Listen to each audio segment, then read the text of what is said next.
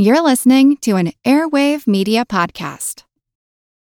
When you need mealtime inspiration, it's worth shopping Kroger, where you'll find over 30,000 mouthwatering choices that excite your inner foodie. And no matter what tasty choice you make, you'll enjoy our everyday low prices, plus extra ways to save, like digital coupons worth over $600 each week. You can also save up to $1 off per gallon at the pump with fuel points. More savings and more inspiring flavors make shopping Kroger worth it every time. Kroger, fresh for everyone. Fuel restrictions apply. Another day is here, and you're ready for it. What to wear? Check. Breakfast, lunch, and dinner? Check. Planning for what's next and how to save for it? That's where Bank of America can help. For your financial to-dos, Bank of America has experts ready to help get you closer to your goals. Get started at one of our local financial centers or 24-7 in our mobile banking app. Find a location near you at bankofamerica.com slash talk to us. What would you like the power to do? Mobile banking requires downloading the app and is only available for select devices. Message and data rates may apply. Bank of America and a member FDIC. This is Kick-Ass News. I'm Ben Mathis.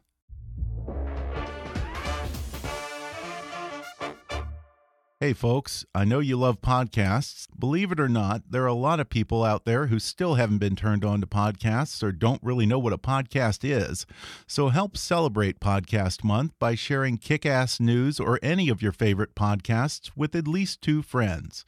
Or better yet, share us with all your friends on Twitter or Facebook and be sure to tag us when you do and use the hashtag trypod. That's T R Y P O D.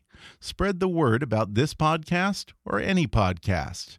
And if you want to do something else to support Kickass News, then donate to our GoFundMe campaign at gofundme.com slash kickassnews.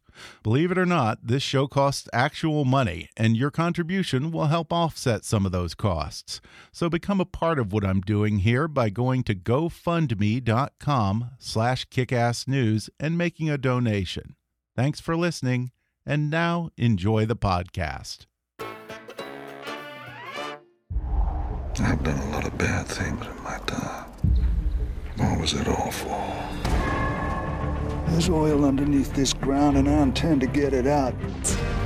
It's up to people like us to set the example. Because if we don't, this whole civilization slides backwards. You say slide backward, I say reverts to its natural state. I was born on the same date as the Republic of Texas. Here's the family, home, and the most bountiful place on God's green earth. God bless Texas. Hi, I'm Ben Mathis, and welcome to Kick Ass News.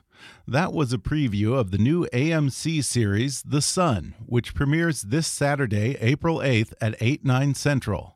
Based on the New York Times bestseller and Pulitzer Prize nominated novel, The Son is a sweeping family saga that spans 150 years and three generations of the McCullough family. The 10 episode drama traces the story of Eli McCullough, played by Pierce Brosnan, as he transforms from good natured innocence to calculated violence and loses everything on the wild frontier setting him on the path to building a ranching and oil dynasty of unsurpassed wealth and privilege. The Son deftly explores how Eli's ruthlessness and quest for power triggers consequences that span generations as the McCulloughs rise to become one of the richest families reigning in Texas. Today I'm talking with the executive producers of the series, Kevin Murphy, who serves as the showrunner on The Son, and Philipp Meyer, the acclaimed author of The Son and creator of this epic television drama.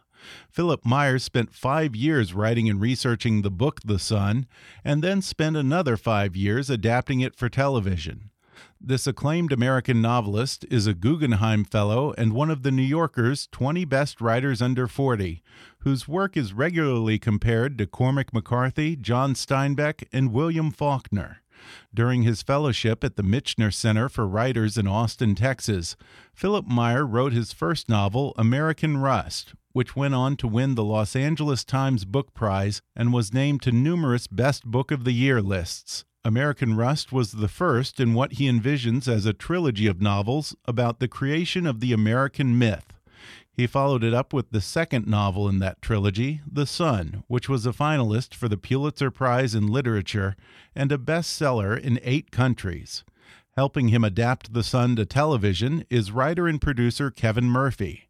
Who served as head writer on Desperate Housewives, for which he received two Writers Guild Award nominations, an Emmy nomination, and a Golden Globe Award. He worked as a writer and producer on shows like Ed, Reaper, and Caprica, and was the co creator and showrunner on Defiance, Valentine, Hellcats, and Honey, I Shrunk the Kids.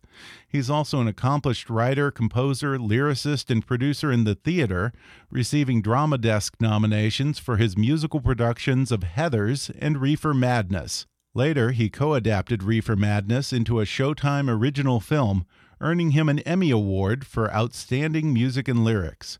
Today, Kevin and Philipp will talk about the long process of bringing the epic novel The Son to the screen and how the story of Texas fits into the mythology of America. We'll discuss the frontier spirit that led larger than life Texans to risk everything, first in the cattle business and then in the oil boom, how none of them struck it rich without getting a little blood on their hands, and how some of those men inspired the characters in Philipp Meyer's novel. We'll also talk about what The Son has to say about race relations in America. We'll revisit the oft forgotten chapter in Texas history known as the Bandit Wars. And Philipp Meyer talks about researching Native American life and drinking buffalo blood. Coming up with Philipp Meyer and Kevin Murphy in just a moment.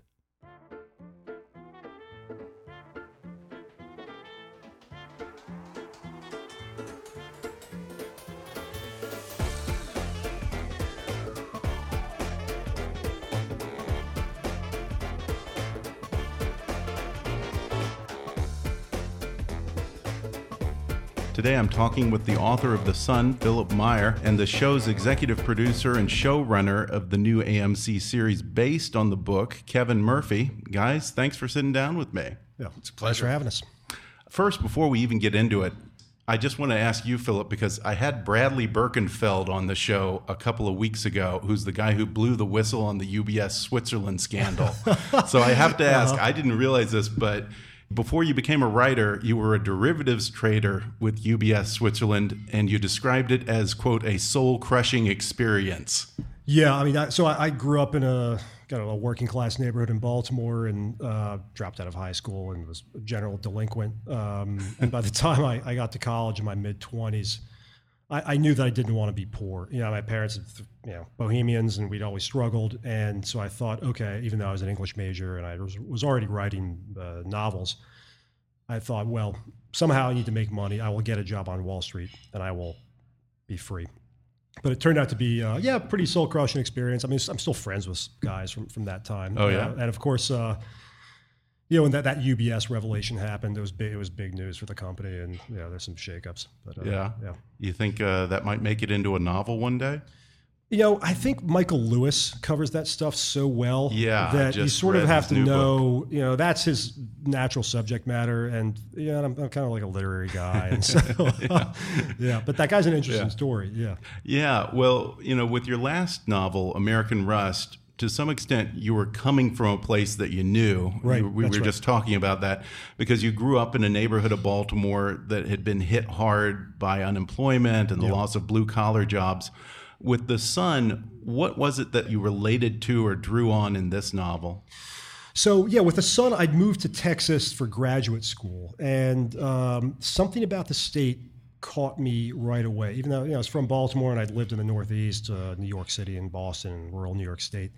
Uh, so I, would never, I'd never been to Texas before graduate school, but something it's a very charismatic state, and it kind of gets inside you. And, and I had a sense that there was something very important about the kind of history of the state and the type of people who live there and who lived there in the past that was crucial to understanding who we are as a, as a country now, like what we came from, uh, what our kind of national stories or, or myths come from.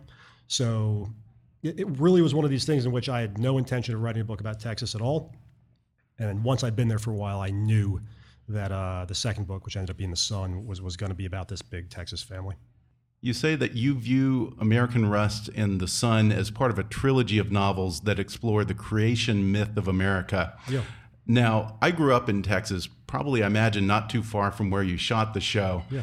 And if you ask most Texans, they probably tell you they're barely a part of the U.S. I mean, there, there is this sense that Texas is still a little bit of its own country. Hell, the governor every couple of years Talks starts throwing around secession. Of course, of course. of So, course. for you, and also, you know, from your perspective, Kevin, what does Texas represent about the American mythology? I mean, it's it's like rugged individualism, total self reliance, this idea of you know coming from nothing and lifting yourself up by by your bootstraps. Um, I mean, it's it's the entire it's sort of half. It, it, it- really embodies the American dream. This idea that it doesn't matter where you come from, doesn't matter, you know, if you're you can come from a, nothing family and become very wealthy. All these big oil dynasties were built by people who were quite poor to begin with. Um, you know, this this is such, and, and with Texas, that narrative of going from total poverty and living in East Texas to, to massive wealth, it gets repeated again and again. It actually is, it actually is, is a real thing. I mean, all these oil mm-hmm. families in Texas, they haven't been rich that long. Well, that's also that's the story of Giant. Yeah, You know, well, exactly. reinventing themselves that's in right. a similar way from cattle barons to oil barons. Exactly. Yeah. What about you, Kevin? What do you what do you see that's attractive or that's interesting in terms of the American story?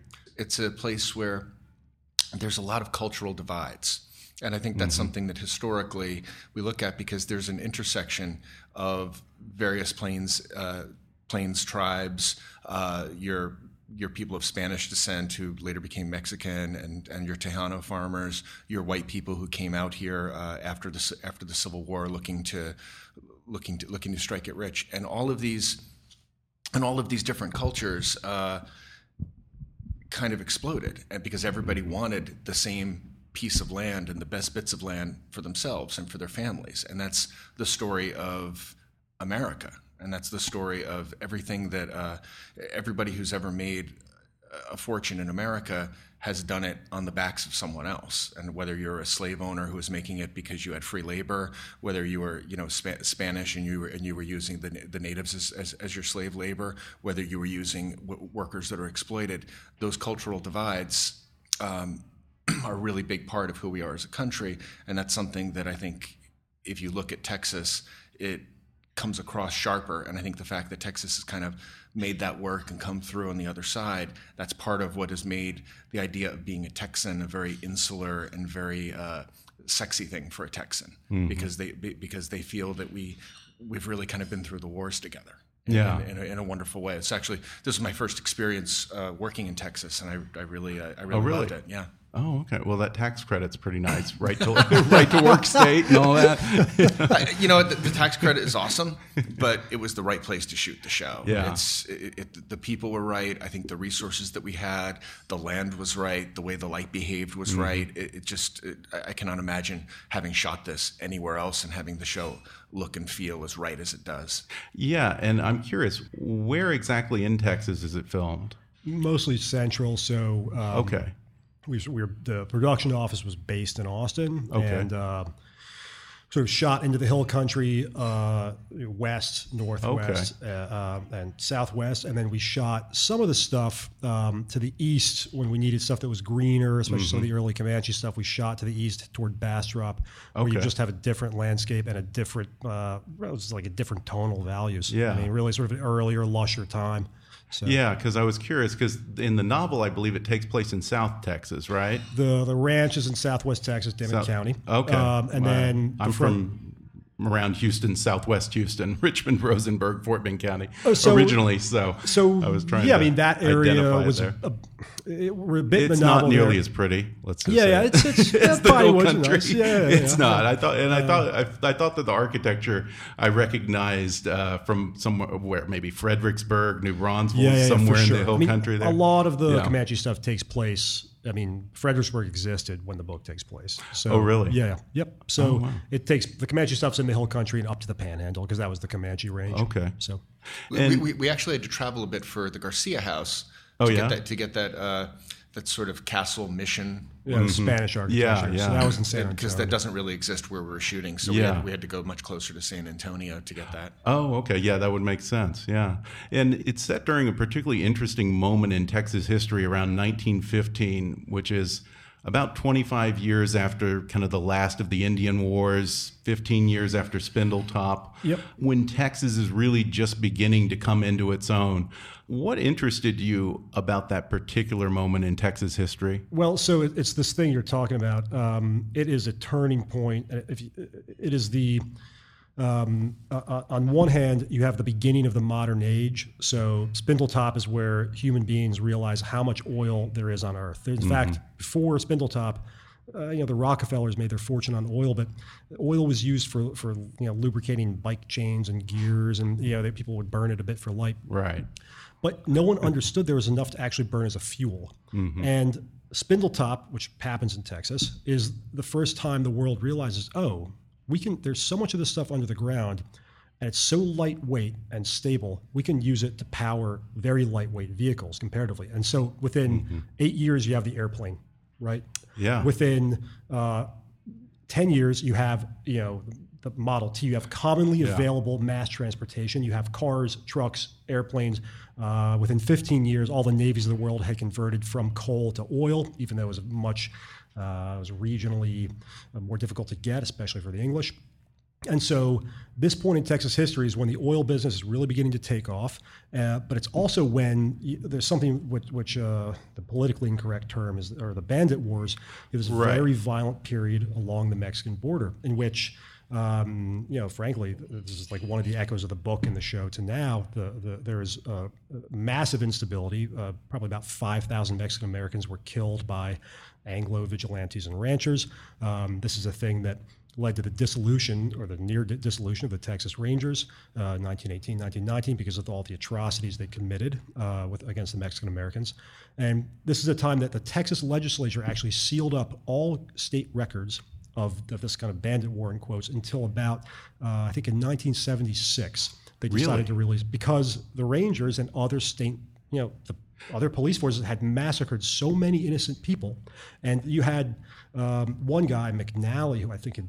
He, he sort of personally killed about 200 Mexican Americans. Wow. Um, yeah, and they were all in quote shot trying to escape. That So- that makes sense now because I was going to say, you know, growing up in Texas, we actually had a semester of Texas history in high school or junior high, and I don't remember much about the Bandit War or the Border Wars. there would be nothing in. So now Yeah. we've begun to accept it. Um, you know, the the Bob Bullock History Museum- books are written by the winners. Right, exactly. and, and, and, and times do change. So, Yeah. so th- th- there was uh, th- just in, in, in early 2016, the whole first floor of the, the Bullock History Museum in Austin Mm-hmm. was devoted to the, the, the bandit wars in quotes, but it was called the Hour of Blood, uh, but that which is the common Mexican American Tejano name for it. Mm-hmm. Okay. and uh, that that that. That Bullock uh, uh, museum thing was, was kind of the first time that the, the Bandit Wars or the Hour of Blood was talked about from the Tejano perspective. So, a hundred years later, we can talk about the truth.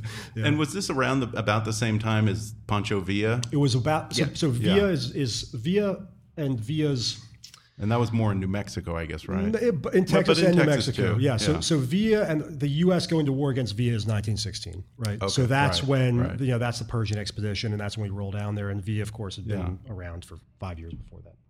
Boy, you know, we think that we have border problems right now. It- it- it- the, the truth is, I don't think Donald Trump nothing has any compared to the idea old, what a border problem is. Yeah, Well, no, the- for sure. that's, that's one of the interesting things about this area, because the South Texas area between the Rio Grande and the Nueces River, um, there was never a firm agreement because in 1836, I think Santa Anna Yeah. had to say, okay, this is the border, is the Rio Grande, but Mexico for many years didn't recognize this, which is what the, the Mexican American War was about. Mm-hmm. And when Polk kind of took Mexico. It's like, Right. well, it is the Rio Grande River, and also let's also take you know New Mexico and California and uh, and everything else that they Yeah. took from Mexico. It's probably about half the country.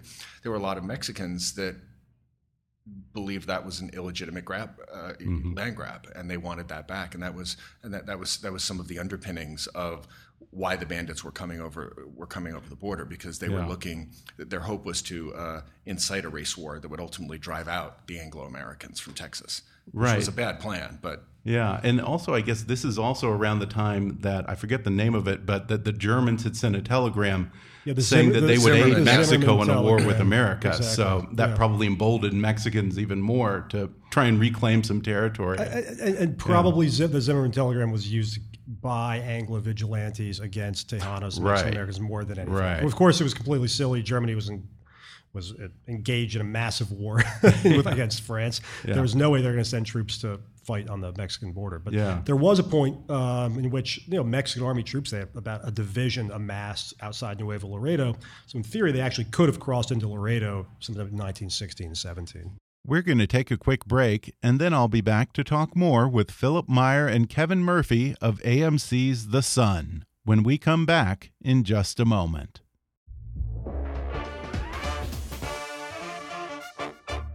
You know, folks, I'm not exactly a gourmet cook, but one thing I've come to realize is not all ingredients are created equal. Fresh, high quality ingredients make a real difference, so it's important to know where your food comes from. Thankfully, for less than $10 a meal, Blue Apron delivers delicious, quality food courtesy of over 150 local farms, fisheries, and ranchers across the U.S. right to your door, supporting a more sustainable food system and setting the highest standards for ingredients. Plus, with Blue Apron's freshness guarantee, you can be sure that every ingredient in your delivery will arrive ready to cook or they'll make it right. It's no wonder that they're the number one fresh ingredient and recipe delivery service in the country. I've become a huge fan of Blue Apron. It's easy to prepare, it's delicious, and it's always something new.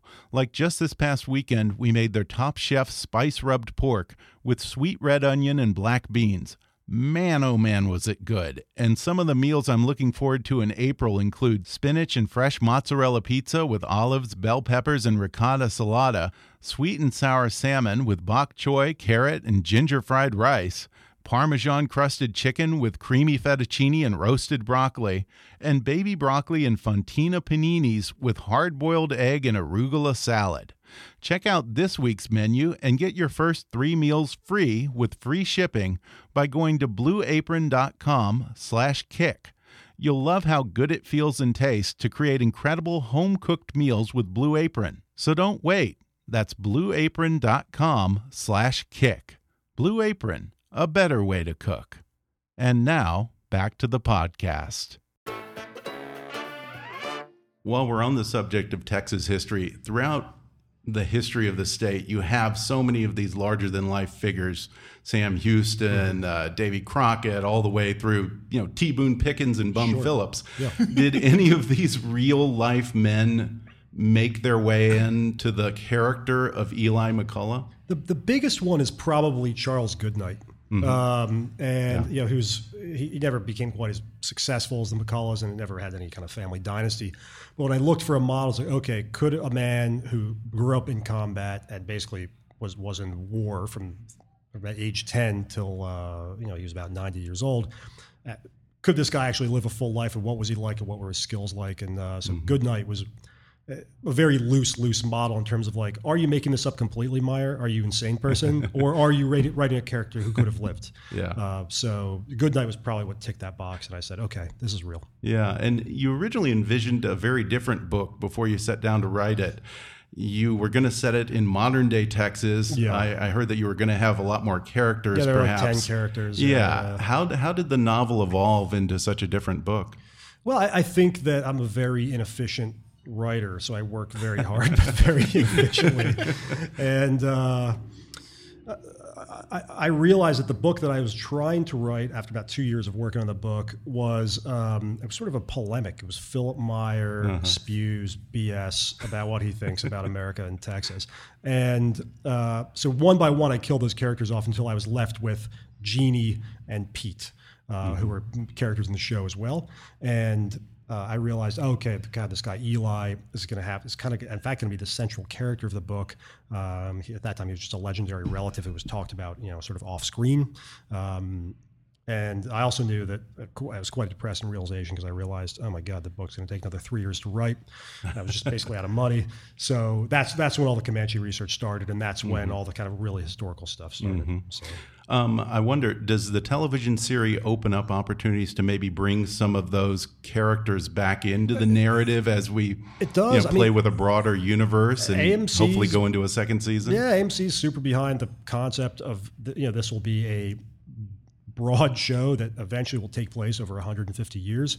Oh, wow. And um, so there's tons of stuff that was left out of the book. That will- Both timelines will continue moving forward from season to season. yeah. Oh, interesting. Okay. So okay. 1849 will give way to the 1850s and the Civil War, Uh-huh, and continue on. 1915 will give way to the 20s and the 30s, et cetera, et cetera. Exactly. And eventually come up to the modern day, basically, as, as the book Really? does. Yeah, and, and that's wow. they bought onto that concept from from the beginning. Uh, Okay. So we're all- you know all of us, Kevin and I, and um, the network, we're all trying to do you know pretty big, ambitious Yeah. project here. This is and this is just the beginning. Yeah. Okay. So at a certain point, we're departing from the original source material. I mean, we, we, yeah, we can't give anything away, but we, Right. we, you know, after season one, we'll have the same interview. We can talk about the ways in which we departed because, Okay. um, yeah, we're, we're, we're, we're, when we can use the book, we use it, but it's, Mm-hmm. it's absolutely just a sort of interesting guide. And the point is to tell a good story. Yeah. There, there was there was one fundamental change that was Yeah. that was made from the book that uh, Okay. kind of throws a hand grenade into a lot of it, which is moving the character of Jeannie up one generation. Because in the Mm-hmm. Book, she's the great granddaughter of Yeah. Eli. They don't really Yeah. have a meaningful relationship because of the age difference. Yeah. and that's changed, and that was uh, and I, I just. Shout out to our very smart uh, staff writer Dan Connolly, who, Yeah. uh, Yeah. who who basically made that suggestion and criticized the original script in his job interview. So, uh, yeah, I mean, I, I, I think in the end, we'll basically just be there, there's stuff that, um, it, it, that stuff it, when we get to Jeannie's life, once you know, presumably we get enough seasons, once Uh-huh. Yeah. Pierce disappears and the show becomes about Jeannie, we'll just instead of the, the the show taking place, if it tracked the book exactly in the 50s and 70s and 90s, it'll be in the 30s and 50s and Okay. 70s. So, Um, is it safe to assume that season one will probably conclude where the book concludes, or can we not say? we can't say. Okay, fair enough. Fair enough. fierce. Never I- hurts to ask, though.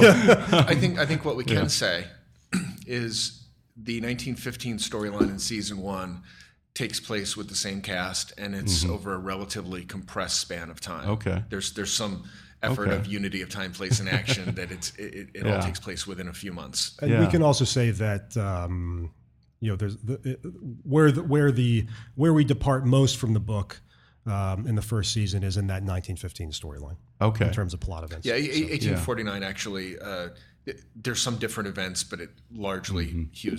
to events in the book. Yeah, and Kevin, you've done such a diverse body of work over the years. I remember first seeing Reefer Madness off Broadway. you've done Desperate Housewives, sci-fi, musicals, you know, animated, family shows. Um, what attracted you to the Son?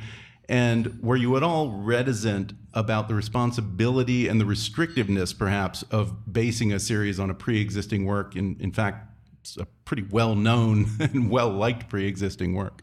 Well, it, it was the, person who who brought me into the project, uh, and this is after you know Philipp had you know been been working working on developing the, the script for a couple of years before I showed up. Is uh, is, is Jenna Santoianni from Sonar, uh, and I had worked together on a development project uh, a few years ago, and we had a great time working together, and we had been always looking for something else to do. So she called me, and she asked me to. Read the book and read uh, and, and read the script. And I read the script, and I thought the script was solid. And I loved the 1849 stuff. The 1915 stuff was a little.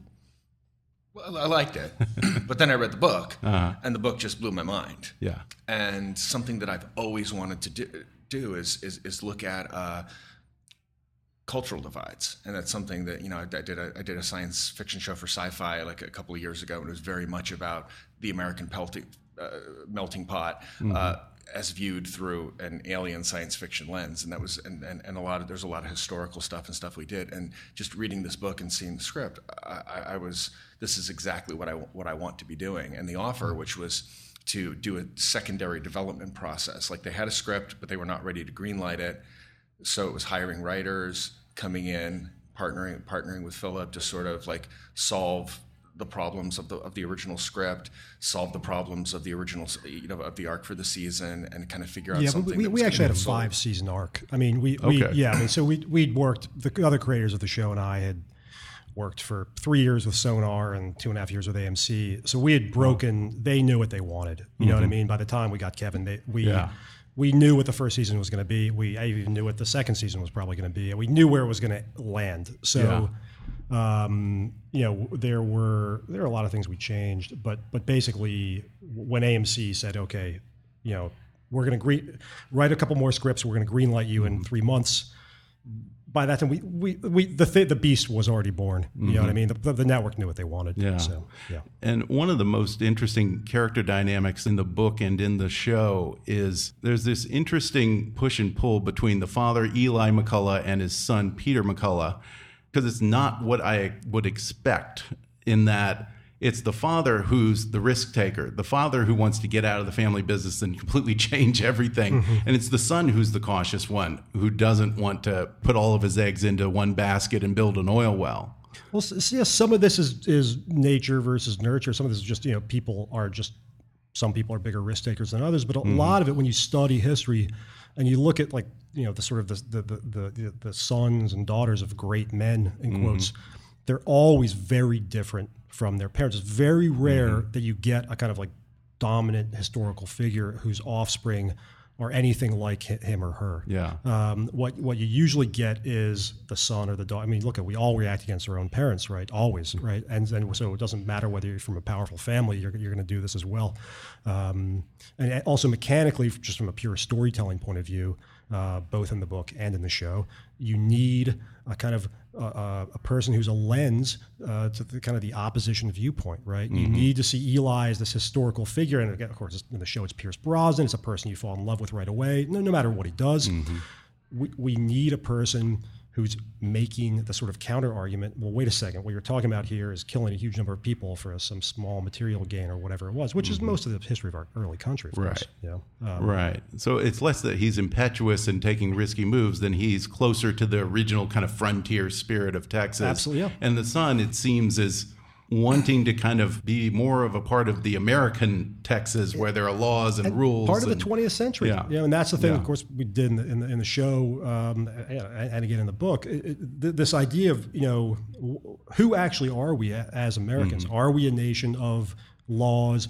Do all the law, do the laws apply to minorities just as well as much as they do Mm-hmm. to white folks? Um, or are we a, a, country in which might makes right? you Yeah. Know? And Eli's point of view on the world is might makes right. And, Yeah. if, and if you don't use force against other people, they will use it against you. If you don't Yeah. use power against other people, they'll use power against you.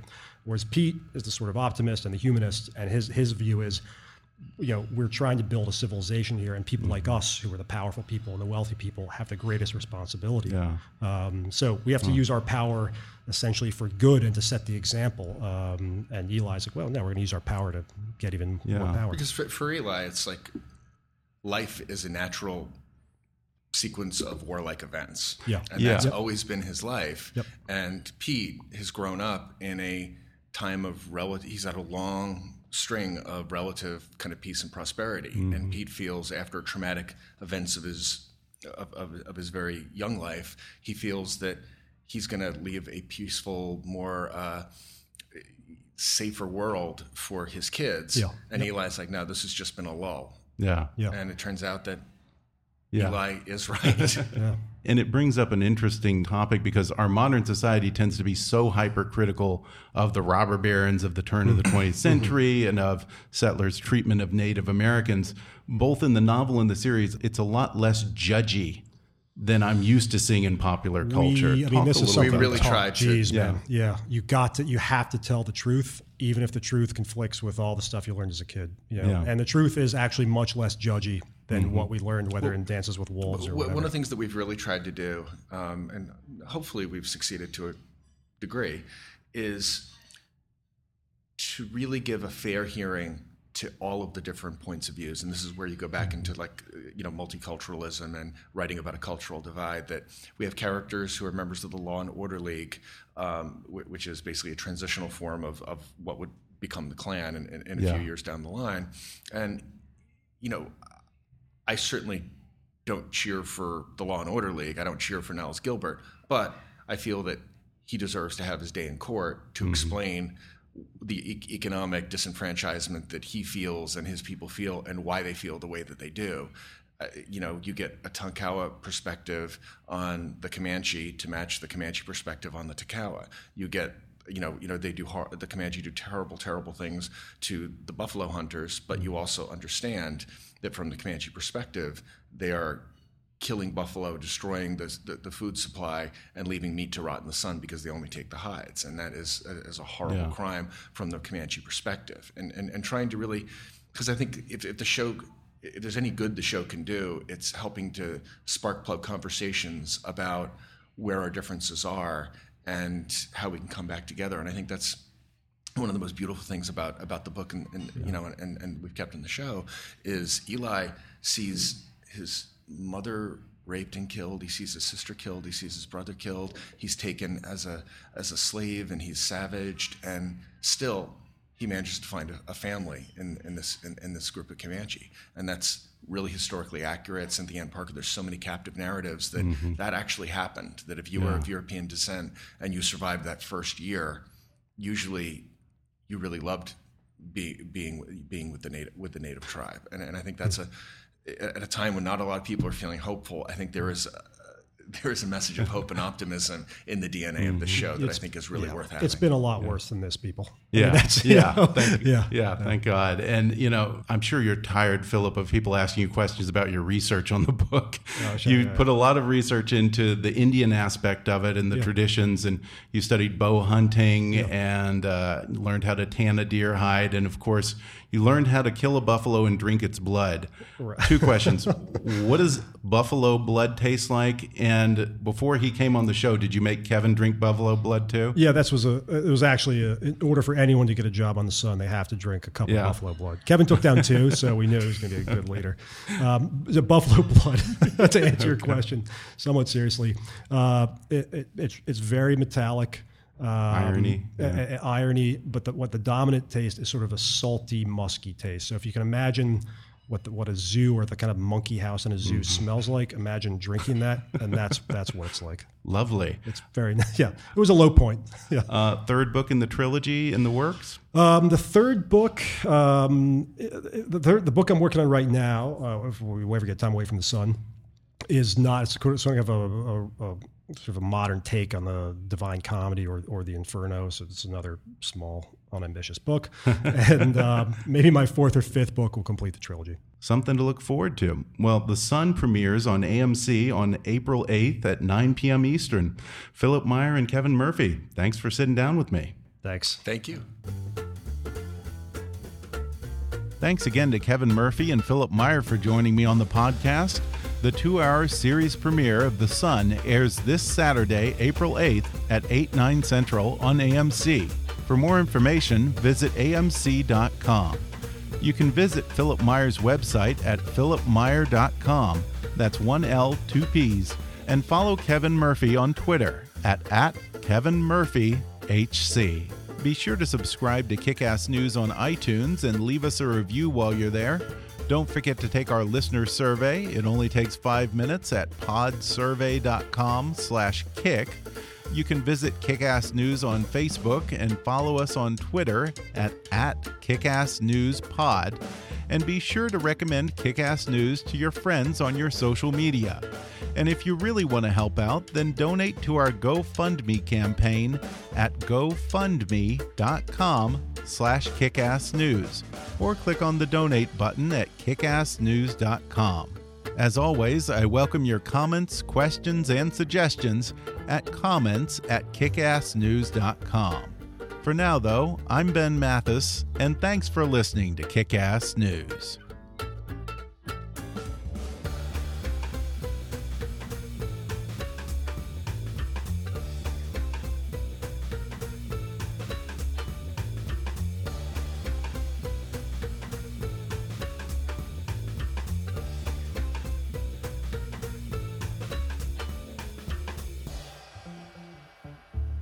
Kick Ass News is a trademark of Mathis Entertainment, Inc.